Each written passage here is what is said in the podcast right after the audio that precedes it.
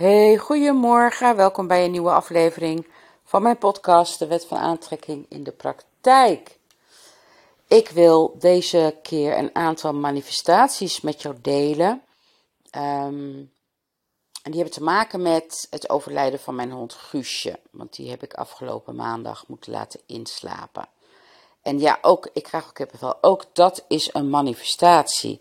En ik wil je even meenemen in de weg ernaartoe, hoe dat, ik krijg helemaal kippenvel nu, hoe ehm, mijn wensen en hoop ik ook haar wensen daarin uh, zijn gemanifesteerd. Kijk, ik wist van Guusje al een aantal, nou ja, vorig jaar vermoedde ik het al, maar uh, nu zeker een paar maanden, dat ze dementerend was. Ze uh, had angstaanvallen, um, maar dat was heel goed te managen met medicatie. Zelfs zo goed dat het gewoon weer een dartellammetje werd. Heel ontspannen en weer rennen en doen. Dus dat was heel fijn om haar weer zo blij te zien. Wat ik altijd heel lastig vind bij mensen en bij dieren is om ze te zien lijden. En bij mijn vorige hond uh, vroeg ik ook altijd al van geef me een duidelijk signaal dat ik weet hier, hier stopt het, hier wil jij ook niet verder, hier kun je niet verder, want dan wordt het lijden en lijden hoeft niet en, puur egoïstisch, ik kan het niet aanzien. En bij Guusje begon ik daar ook te komen natuurlijk, bij, dat, bij die wens. Of daar werd ik me bewust van, want ja, ik wist natuurlijk dat ze in de laatste fase zat. En dat vind ik eh, aan de ene kant een hele mooie fase, maar ik vind hem ook zwaar. En ik merk altijd pas na het overlijden hoe zwaar ik dat vond. Maar dat zal ik zo vertellen. Um, Guusje had goede dagen, Guusje had minder goede dagen, maar ze at ontzettend goed. Dat was ook een bijwerking van de pillen, moet ik erbij zeggen. Dus ze begon, ik kon niks meer op tafel laten staan, terwijl voorheen ik kon alles overal laten liggen. Ze kwam nooit ergens aan. En nu, dat vond ik ook wel weer grappig, klom ze gewoon in kasten en, en op waar ze maar in kon, om maar uh, nog iets te eten te kunnen krijgen. En dan kreeg ze natuurlijk ook, ja, jeetje, je gaat zo'n hond de laatste dagen niks ontzeggen natuurlijk. Um, ik ga um, uh, 11, 12, 12 en 13 mei naar Amsterdam, naar Abraham Hicks. Dus ik had al geregeld dat Guusje bij mijn moeder kon zijn en Boef op een ander adres, want twee honden van mijn moeder, dat vond ik te veel. Maar ik zat er al wel een beetje mee, omdat honden, zeker als ze dementerend zijn, vinden het, uh, schijnen het helemaal niet fijn te vinden. Uh, verandering van omgeving, verandering van structuur, kunnen ze meer van in de war raken. Nou, kent Guusje het huis bij mijn moeder heel goed. Wij hebben daar samen ook zeven maanden gewoond. Dus als ik daar ben met haar, is ze heel ontspannen. Net als hier. Ze gaat gewoon lekker ergens liggen slapen. Of ze gaat lekker in de tuin rondbanjeren. Maar toch hield me dat bezig. En terwijl ik zo enorm uitkeek naar um, het event van Abraham Hicks, had ik op een gegeven moment ook de totaal vrede mee van ja, Astrid, als uh, het voor Guus niet goed is, dan, dan, dan blijft Guus thuis en dan blijf jij ook thuis, punt. En dat is ook, dan komt er op een ander moment wel weer een mooi event. Kijk, dat is het vertrouwen wat ik heb. Ja, je krijgt je geld niet terug. Nee, en het hotel ook betaald krijg ik niet terug. Maak ik me allemaal geen zorgen om. Want linksom of rechtsom komt daar wel weer iets anders moois voor in de plaats. En dat is omdat ik het vertrouwen heb en daar ook niet van in zak en as raak. Van, oh, en ik wilde daar zo graag heen en dan gaat het niet door. En dat heeft me in totaal bijna 800 euro gekost. En nee, nee, heb ik helemaal geen last van. Het gaat om Guus. Het gaat om Guus. Ik ben verantwoordelijk voor Guus. Guus is afhankelijk van mij. Dus zijn haarzorg gaat voor alles. En daar had ik vrede mee. Waar ik me ook op betrapte, en daar was ik niet zo trots op, moet ik heel eerlijk bekennen. Want ik dacht, als ik alleen nog met Boefje ben, Boefje is ten eerste een veel kleiner hondje, dus een chihuahua, uh, ben ik veel vrijer. Boefje kan ik meenemen op de fiets, kunnen we lekker naar het bos, kan, kunnen we eindeloos wandelen, zoals ik dat vroeger met Guus ook deed. Kunnen we dit, kunnen we dat. Dus ik zat al een beetje zo te visualiseren wat er allemaal weer kon als Guusje er niet meer was. Nou, dat vond ik helemaal geen aardige, liefdevolle, sympathieke gedachte naar Guus toe. Ehm, maar ik had hem wel. En ik wenste haar niet dood natuurlijk. Zo is het natuurlijk helemaal niet. Maar oudere honden zijn uh, toch wat meer handenbinders. En ik heb er altijd een hekel aan gehad om mijn honden alleen thuis te laten. Dat is een ding van mij. Guusje kon zeker als ze alleen was heel goed alleen thuis zijn. Uh, naarmate ze blijer was als ze mij weer zag, wist ik dat ze het beroerde had gehad. En ze vond het niet fijn om met Boefje samen in mijn huis alleen te zijn. Dan stond ze op de bank. Nou, op het laatst ging ze niet meer op de bank, maar dan stond ze voor uh, de, de, de, tuindeur te hijgen en een uur later stond ze daar nog. Uh, dus dat deed, ik scheide ze altijd. Of de ene in de ene kamer, de andere in de andere. Of Guus in de tuin als het kon en, uh, en Boefje binnen. Um, en Guus durft niet in een auto, dat vindt ze spannend. Ik heb ook geen auto meer natuurlijk, dus ik heb haar dat ook niet echt ooit aan kunnen leren. Nou, en dat ga je een dementerende hond ook niet alsnog aanleren. Um, ze begon te poepen in huis. Ja, weet je, dat vind ik ook allemaal geen probleem. Dat ruim je op en dan is het klaar. Elke dag was het wel afwachten, hoe gaat de dag? Nou, wat gebeurde er? Afgelopen zaterdag zit ik hier nog met een vriendin film te kijken. En ik had tussen ons in een dienblad staan met, uh, met toastjes en kaasjes en lekkere dingen.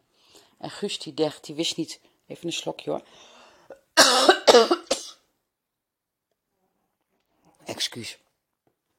Guus wist van gekkigheid niet hoe ze daarbij moest komen. Dus de Full of Life. En daar hebben we nog om gelachen. Ik heb daar nog een filmpje van gemaakt. En zondag, ik was even bezig geweest en ik loop de woonkamer in en ik kijk naar haar. Ik denk, hé, hey, er is iets anders. Wat lig jij daar? Ze keek raar, ze keek ongemakkelijk. Een doffe blik. Dus ik ben erbij gaan zitten. En, en ja, ik kan niet uitleggen hoe, maar het was anders. Het, het klopte voor mijn gevoel niet. Op een gegeven moment deed een poging om op te staan. En ik had al allemaal soort van kleden, eh, nou ja, kleden, spreien in de kamer liggen. Want vanuit van gladde vloer opstaan, dat, dat lukte eigenlijk al niet meer. En ik moet er toch niet aan denken dat ik weg ben en dat zij hier ligt en niet overeind komt. Een horror scenario vind ik dat. Maar ze lag op dat sprei. En, en dat hele achterlijf, joh, ik moest er echt optillen. En het, is best een, het was een, best een zware hond. Maar helemaal wankel dat achterlijf. En toen heb ik uh, mijn vriendin, mijn buurvrouw eh, erbij gehaald. En die zei ook, Astrid, wat een verschil met gisteren. Dit is, ik ja, het lijkt wel of ze een TIA heeft gehad, joh. Uh, wat drinken, dat ging nog wel, maar heel, ze bleef met haar eerst in eerste instantie met de tong boven het water hangen. En dan wel die drinkbeweging maken, dus ik moest dat water naar haar tong brengen. Eten, het was net of ze niet meer wist hoe dat moest. En die dag heeft ze trouwens, wilde ze ook niks. En toen dacht ik, dit is het moment.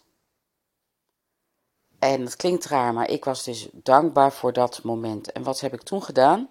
Ze had diazepam tegen de angst. Ik heb er uh, s'nachts helemaal vol gestopt. Ik heb er tien tegelijk gegeven. Ik denk, jij moet slapen. Jij hoeft nergens meer uh, je druk om te maken. Jij moet slapen. En dan zie ik wel hoe je morgenochtend wakker wordt. Nou, ze werd wakker en het was hetzelfde. En eigenlijk nog erg. Ze wou wel eten, maar ik moest het wel in de bek stoppen. Kleine stukjes. En Monique, mijn vriendin, die kwam nog, die had hele lekkere snoepjes gehaald. Nou, dat ging er. Nou, ze kwam niet eens overeind, ze bleef liggen. Maar ze at het wel allemaal op. En uh, ik heb de dierenarts gebeld en die kon gelukkig eind van de dag al komen. Vond ik ook wel fijn dat het niet meteen was en dan kun je ook nog afscheid nemen. Crematorium gebeld. En die konden de, ja, ja, liever eh, toch morgen, want we zijn erg druk vandaag. Hartstikke prima. Ik wil er ook nog niet meteen kwijt. En zo heb ik er de hele dag vol gepompt met diazepam, zodat zij gewoon geslapen heeft, nergens last van heeft gehad. En, uh, en zo is ze heel rustig en vredig heen gegaan. En uh, tuurlijk verdrietig. Ik, toen de dierenarts weg was, toen brak ik echt. Want het, het eerste wat ik tegen haar zei was: Ach, meisje, nu ben je vrij. Nou ja, toen moest ik verschrikkelijk huilen. Maar daarna is het eigenlijk, ik zie, me, ik zie het kopje, ik voel de energie en het is dartel en vreugde en, en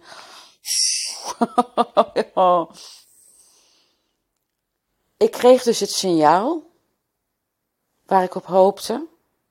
Ik heb me niet druk hoeven te maken over, oh, kan ik er wel uit besteden uh, als ik naar Amsterdam ga of moet ik thuis blijven? Um, het was op het moment dat ik dacht, oh, nu kan ik met Boef ook wat meer dingen doen. Want omdat Guus niet meer ver kon wandelen, kon Boef natuurlijk ook niet ver wandelen. Of tenminste, hij kan wel, maar ik ga niet acht keer op een dag een hond uitlaten. Dat gaat me echt te ver. En uh, er was nog wat. Wat wou ik nou? Er was nog iets. Oh, ik dacht, serieus, hoe heeft het zo kunnen zijn? Het is voor haarzelf ook, het lijden is heel kort geweest. En inderdaad, dat wou ik zeggen. Niet de dag erop, maar de dag daarop werd ik wakker met een spierpijn. Serieus, van het puntje van mijn tenen tot aan mijn oorlellen. Helemaal strak van de spierpijn. En toen dacht ik, dit, was dus, dit is dus de spanning die het mij gekost heeft. Ik weet niet hoe lang, afgelopen maanden denk ik, sinds ze aan die medicatie zat. Waar ik me op dat moment niet zo bewust van ben en dat laat zich nu allemaal los. En dat voel ik ook, want ik ben, ben me veel relaxter. Ik hoef me geen zorgen meer te maken om Guus. Guus is, net als dat ik dat bij mijn vader had, net zoals ik dat bij, met mijn vriendin Marjan had en bij mijn vorige hond. Zij hebben het, Guus heeft het nu beter dan ze het ooit had. En dat is echt het aller, enige wat ik ooit voor haar gewenst heb. En het is gegaan op een manier die voor ons allebei ja, bijna niet beter had kunnen zijn. Dus zo kan een overlijden uh, ook een mooie manifestatie zijn. Ja, en ik heb het vaker gezegd, mijn perceptie op leven en dood is zo veranderd. Voor mij is er geen dood. Het is gewoon de overgang van een fysiek bestaan naar een niet-fysiek bestaan. En uh, de grens tussen fysiek en niet-fysiek, die is eigenlijk ons, ja, die is onzichtbaar, maar die is, die is er eigenlijk niet. Het is net wat we er zelf van maken. En omdat ik me heel erg focus op waar ze nu wel is, um, kan ik daar ook blijdschap bij voelen. En ik heb gewoon een deeltje gemaakt met Marjan. Want ik zorg natuurlijk voor de hond van Marjan. Omdat Marjan is overleden. Dus ik zeg, Marjan, ik zorg hier voor jouw hond. Wil jij daar voor mijn hond zorgen? Nou, vond ik een goede deal. En Marjan was het er volgens mij uh, hardgrondig mee eens. natuurlijk mis ik er en, en ben ik moe en, en voel ik me af en toe heel dof. Maar ik heb die kleine nog. Dat is de boefje, dat is echt zo'n bundle of joy. En uh, die heeft nog nauwelijks gegeten sinds Guus er niet meer is. Dat vind ik ook heel aandoenlijk. Terwijl Guus haar niet echt, of hem niet echt een blik waardig keurde, moet ik eerlijk zeggen.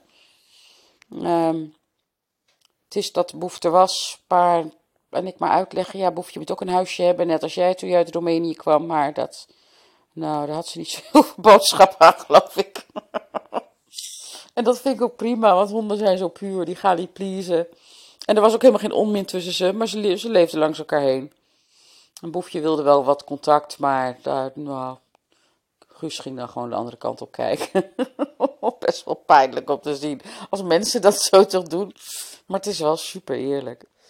Dus het, het, als het dan toch moet gebeuren, weet je, dan, dan is, vind ik dit weer een voorbeeld van hoe je dit dus ook kan manifesteren. Als je je wensen duidelijk hebt, als je je emoties duidelijk hebt, als je er oké mee bent, dan hoeft het geen drama te zijn. En dat wou ik even met je delen.